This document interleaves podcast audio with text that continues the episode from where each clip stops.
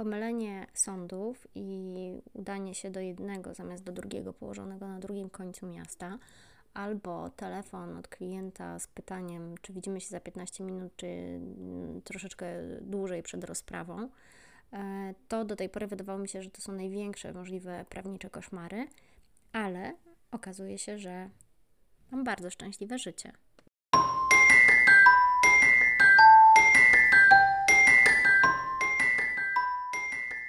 Pani od pokoju. Przyznaję, że mm, kiedy na Instagramie niedawno zadawałam Wam pytanie o to, jaki jest Wasz największy zawodowy koszmar, nie spodziewałam się odpowiedzi, które do mnie spłynęły w naprawdę przytłaczającej liczbie. To znaczy, liczyłam się z takimi e, historiami, które też e, zostały podniesione, typu, że ktoś napisał pizdrawiam zamiast pozdrawiam i nie ma seksu zamiast nie ma sensu, albo że e, ktoś zakleił koperty, zaniósł na pocztę i, i, i, nagle się okazało, albo przynajmniej było solidne podejrzenie, że pomylił, e, że pomylił listy i włożył je nie do tych kopert, co trzeba, albo że zamiast zrobić wypisy, to ktoś zrobił, e, no, zamiast zrobić 48 wypisów ze wzorów, e, to ktoś, e, znaczy odwrotnie, zamiast z oryginałów, to ze wzorów. Jakby tego, to, to było wpisane w ryzyko, moim zdaniem, tego pytania i spodziewałam się, że tego typu historie mi opowiecie. Natomiast szczerze powiem, że przytłoczyła mnie skala zupełnie innych komunikatów od Was, które sprowadzały się mniej więcej do tego, że podczas praktyk na aplikacji czy w czasie studiów musieliście chodzić do biedronki, robić zakupy swojemu szefowi, albo mieliście do tej pracy nie wracać tak długo, jak długo nie znajdziecie humusu, albo opiekowaliście się y, kotem swojego szefa, mm, ponieważ miał jakąś tam chorobę i szef oczywiście się tym kotem nie chciał zajmować, ale w związku z tym, że wy jesteście prawnikami, to, to zlecił to wam. Zdarzało się e, takie historie, jak wynika z Waszych opowieści, opowieści, że ktoś Wam rzucił pismem w twarz, albo że w Waszej obecności patron nazwał sędziego kucharką, powiedział, że wygląda jak kucharka, no bo po prostu nie szło mu przesłuchanie. Opowiadaliście o tym, że samodzielnie pracowaliście przez 5 dni w tygodniu po 8 godzin za jakieś naprawdę marne, marne grosze. Niektórzy z Was musieli brać udział czynny mm, w przeprowadzce kancelarii, bo, bo, bo przecież wiadomo, że ekipa przeprowadzkowa swoje kosztuje. Wspominaliście też o szefach z kryzysem wieku średniego albo, albo o tym, że podczas e, praktyk e, musieliście pilnować dzieci, e, podczas gdy szefowa wyszła gdzieś tam na paznokcie czy, czy na, na jakieś inne przyjemne mm, aktywności. Dużo, dużo było tego i powiem Wam szczerze, że właśnie te odpowiedzi, które przytłoczyły swoją liczbą i skalą problemów, nakłoniły mnie do tego, żeby dzisiaj poruszyć z Wami temat który myślę, że najprościej byłoby sprowadzić do takiego pytania. Czy to możliwe, że prawnicy są nienormalni? Albo jeszcze dalej, czy, czy prawnicy są w masie jakimiś dupkami? Myślę, że gdybym powiedziała twardo, że nie lubię prawników, to byłoby to sformułowanie o wiele na wyrost. Natomiast mój stosunek do y, mojego środowiska zawodowego myślę, że obrazuje w jakimś sensie moja postawa, na przykład z takiego epizodu w moim życiu, kiedy korzystałam z Tindera. Otóż, ilekroć trafiałam na prawnika, a zapewniam, że każdy prawnik pisze na Tinderze, że jest prawnikiem, to po prostu przesuwałam go w lewo. Y, być może w tym gąszczu yy, przeoczyłam jakieś perły, natomiast yy, szczerze powiem, że moja relacja z prawnikami jest trudna. Yy, trudna z bardzo wielu powodów, natomiast rzeczywiście odnosząc się do tego, co żeście pisali na Instagramie na temat Waszych koszmarów zawodowych, to wydaje mi się, że Wasze spostrzeżenia w dużej mierze pokrywają się z moimi. E, ja lubię się śmiać też z siebie, myślę, w takim całkiem zdrowym zakresie, ale też e, lubię zauważać pewne przewary, właśnie nie tylko u siebie, ale i u innych. I gdybym musiała generalizować i powiedzieć, że prawnicy są tacy albo inni, to powiedziałabym, że bardzo z wielu, wielu z nas mm, jest po prostu najmądrzejszymi ludźmi na świecie. Przynajmniej w naszym własnym przekonaniu. Przez to rozmowa z taką osobą jest niezwykle trudna Prawnicy mają kłopot ze słuchaniem.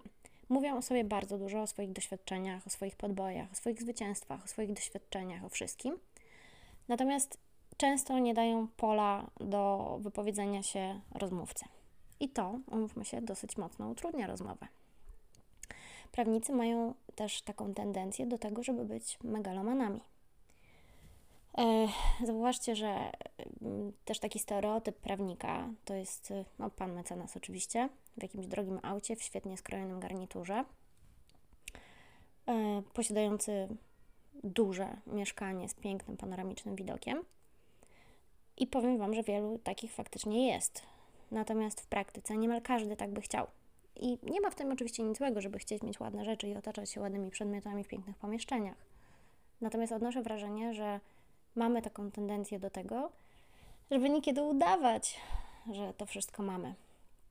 Przykładem tego jest, takie dwa przykłady Wam podam. E, jeżeli byście analizowali strony internetowe e, jednoosobowych kancelarii, i mówiąc o jednoosobowych, często mam na myśli faktycznie jednoosobowe kancelarie, takie jak moja, to co się okaże, że ten adwokat, który tę kancelarię prowadzi, jest w niej, tadam, partnerem zarządzającym. Komu partneruje, nie wiadomo, natomiast używa często tego sformułowania. Niekiedy yy, adwokaci też na swoich wizytówkach piszą, że są właścicielami kancelarii. Yy, I bardzo często na początku drogi adwokaci koniecznie muszą mieć pióro Mont Blanc. Co z tego, że kosztuje 2000 zł i pisze dokładnie tak samo jak każde inne, ale warto je mieć, warto je nosić, warto, aby było zauważalne.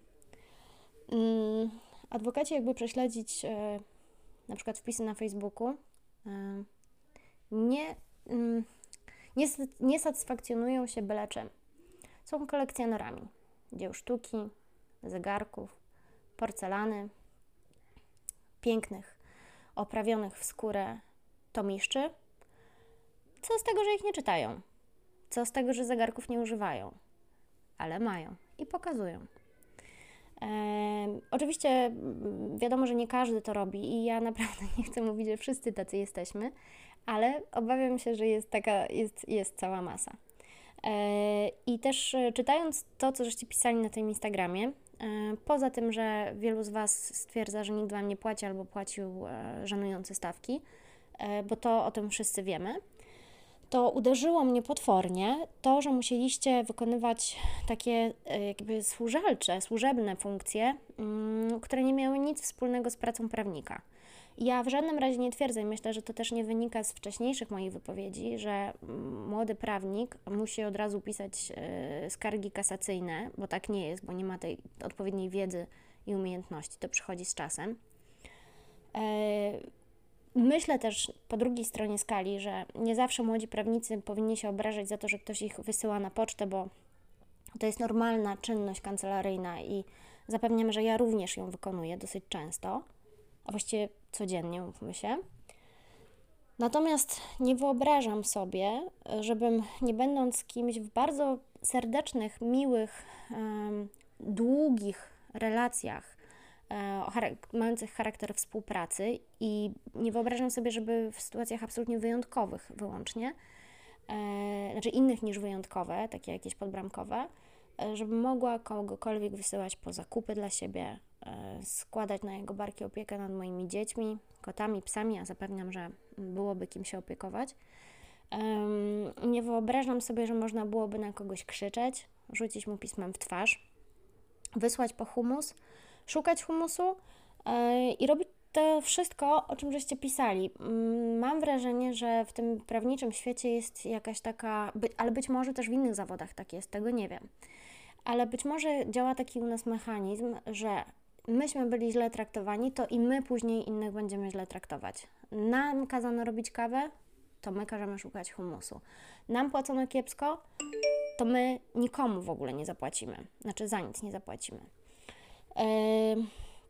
I wiecie co, ja mam naprawdę duże, duże, duży margines zrozumienia w sobie dla sytuacji, w których jakby bierzemy pod uwagę, bo ja też to biorę pod uwagę, że moja wiedza, moje umiejętności, moje doświadczenie mają pewną wartość i są osoby, które mogą chcieć ze mną współpracować w dużej mierze po to, żebym ja się tą wiedzą podzieliła. Tylko zastrzegam, że ja nikogo nie zatrudniam i nikt nie wykonuje na moją rzecz żadnych czynności dotyczących kancelarii. Chyba, że za nim płacę. E, natomiast y, nie jestem w stanie pojąć, jak można ludzi upokarzać. I, i wydaje mi się, że, że to jest jakiś bardzo poważny problem i nie sądzę, żeby ten problem akurat wynikał z istoty zawodu adwokata, bo on jest przepełniony szacunkiem do drugiego człowieka, przynajmniej w, w założeniach i w, tym, w tych ramach, jak, jak ja ten zawód rozumiem. Yy, to raczej pewnie wynika z jakiegoś takiego, może trochę zdziedzenia obyczajów, może z tego, że my ciągle jesteśmy na etapie, kiedy, nie wiem, Polska była w latach 90., wszystko rodziło się na nowo, wszystko było na dziko, nikt nie wiedział, jak prawidłowo funkcjonować i pieniądz był najważniejszy. E, myślę, że te czasy dzięki Bogu już e, mamy za sobą i, i chyba warto byłoby to zauważyć. Jestem przekonana, że mm, w relacjach także służbowych, mm, w długofalowej perspektywie najbardziej sprawdzalnym sposobem procedowania z człowiekiem jest okazywanie mu szacunku. Z szacunkiem można komuś zwrócić uwagę, z szacunkiem można poprawić jego błędy, e, z szacunkiem można przegrać i wygrać, co ciekawsze. Niekoniecznie trzeba kogoś poniżać.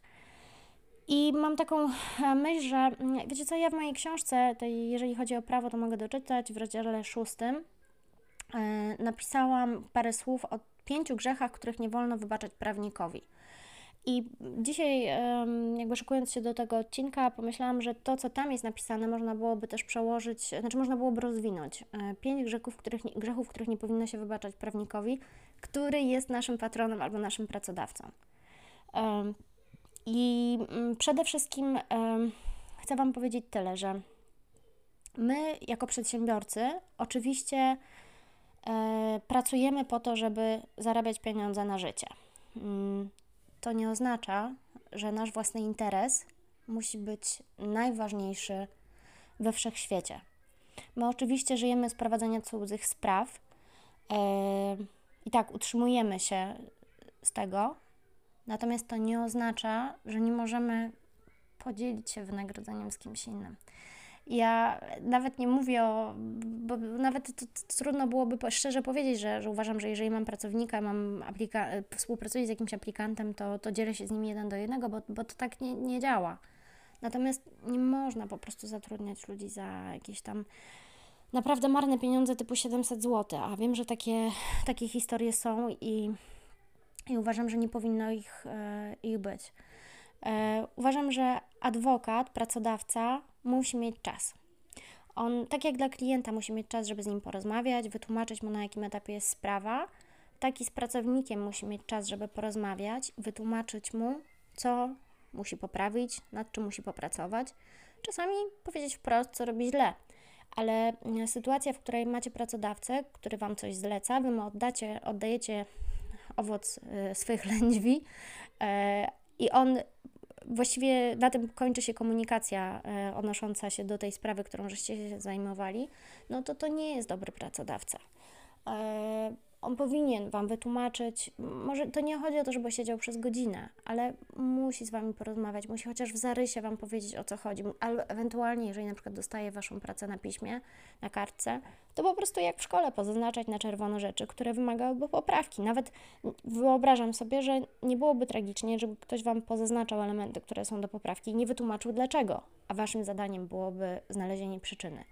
To też jest do przyjęcia, Natomiast musi ta komunikacja być i Wy musicie wiedzieć, co do Was należy i czego się od Was oczekuje. Co jeszcze? Po trzecie, już teraz właściwie. Um, wasz pracodawca, adwokat, musi Was informować o Waszych postępach. Jeżeli niestety nie rokujecie, to powinien Wam to sygnalizować. Oczywiście może Wam da dawać szansę, ale jeśli daje Wam szansę, to też musicie być świadomi tego, że ta szansa jest Wam dana i Wy musicie się sprężyć i, i coś poprawić. Um, niezrozumiałe są dla mnie takie sytuacje, o których słyszę, że jesteście zwalniani z dnia na dzień bez podania przyczyny. Oczywiście, w świetle prawa pewnie to nawet jest y, niekiedy akceptowalne, ale pamiętajmy, że jesteśmy ludźmi i, i między innymi sposobem na okazywanie innemu człowiekowi szacunku jest po prostu rozmawianie z nim. Po czwarte, zasady wynagrodzenia muszą być jasne. Moje doświadczenie jako aplikanta było takie, że zasady wynagrodzenia nie były jasne. E, ja dostawałam jakąś część wynagrodzenia tak po prostu na podstawie umowy o pracę. Część przychodziła mi w różnej wysokości na konto, a jeszcze część też przychodziła na konto, ale była tytułowana zaliczka na wydatki. Był to jeden z powodów, dla których zrezygnowałam ze współpracy z adwokatem, u którego pracowałam, chociaż praca była cholernie ciekawa. Ale zadajcie sobie pytanie, gdzie ja bym się znalazła, gdybym nagle usłyszała, że powinnam zwrócić, rozli- znaczy inaczej, rozliczyć zaliczki. No, byłabym totalnie ugotowana, bo to nie były zaliczki, to była część wynagrodzenia, tylko uznaniowa. Kolejna rzecz, już chyba piąta, zaufanie to jest podstawa. Nie chodzi o to, że wy z pracodawcą musicie się dać codziennie przy kawie i opowiadać sobie o relacjach z partnerem albo przypominać życiorys od prababki.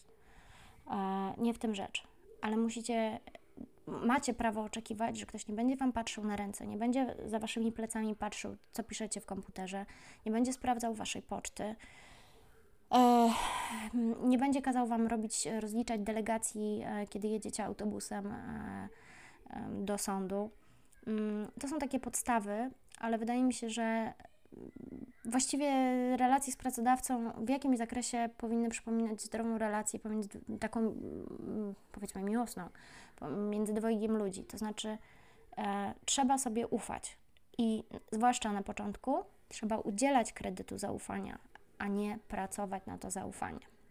Myślę, że jeżeli ta kolejność jest pomylona, to powinna Wam się w głowie zapalić czerwona lampka i powinniście zadać sobie pytanie, czy warto w to dalej iść. Ja uważam, że um, tak jak z klientem, podstawą wszystkiego jest wzajemny szacunek. E, nie, nie traktowanie pracownika jako petenta e, i podwładnego i służącego. Po prostu nie. No chyba, że inaczej się umówicie i obu stronom to odpowiada.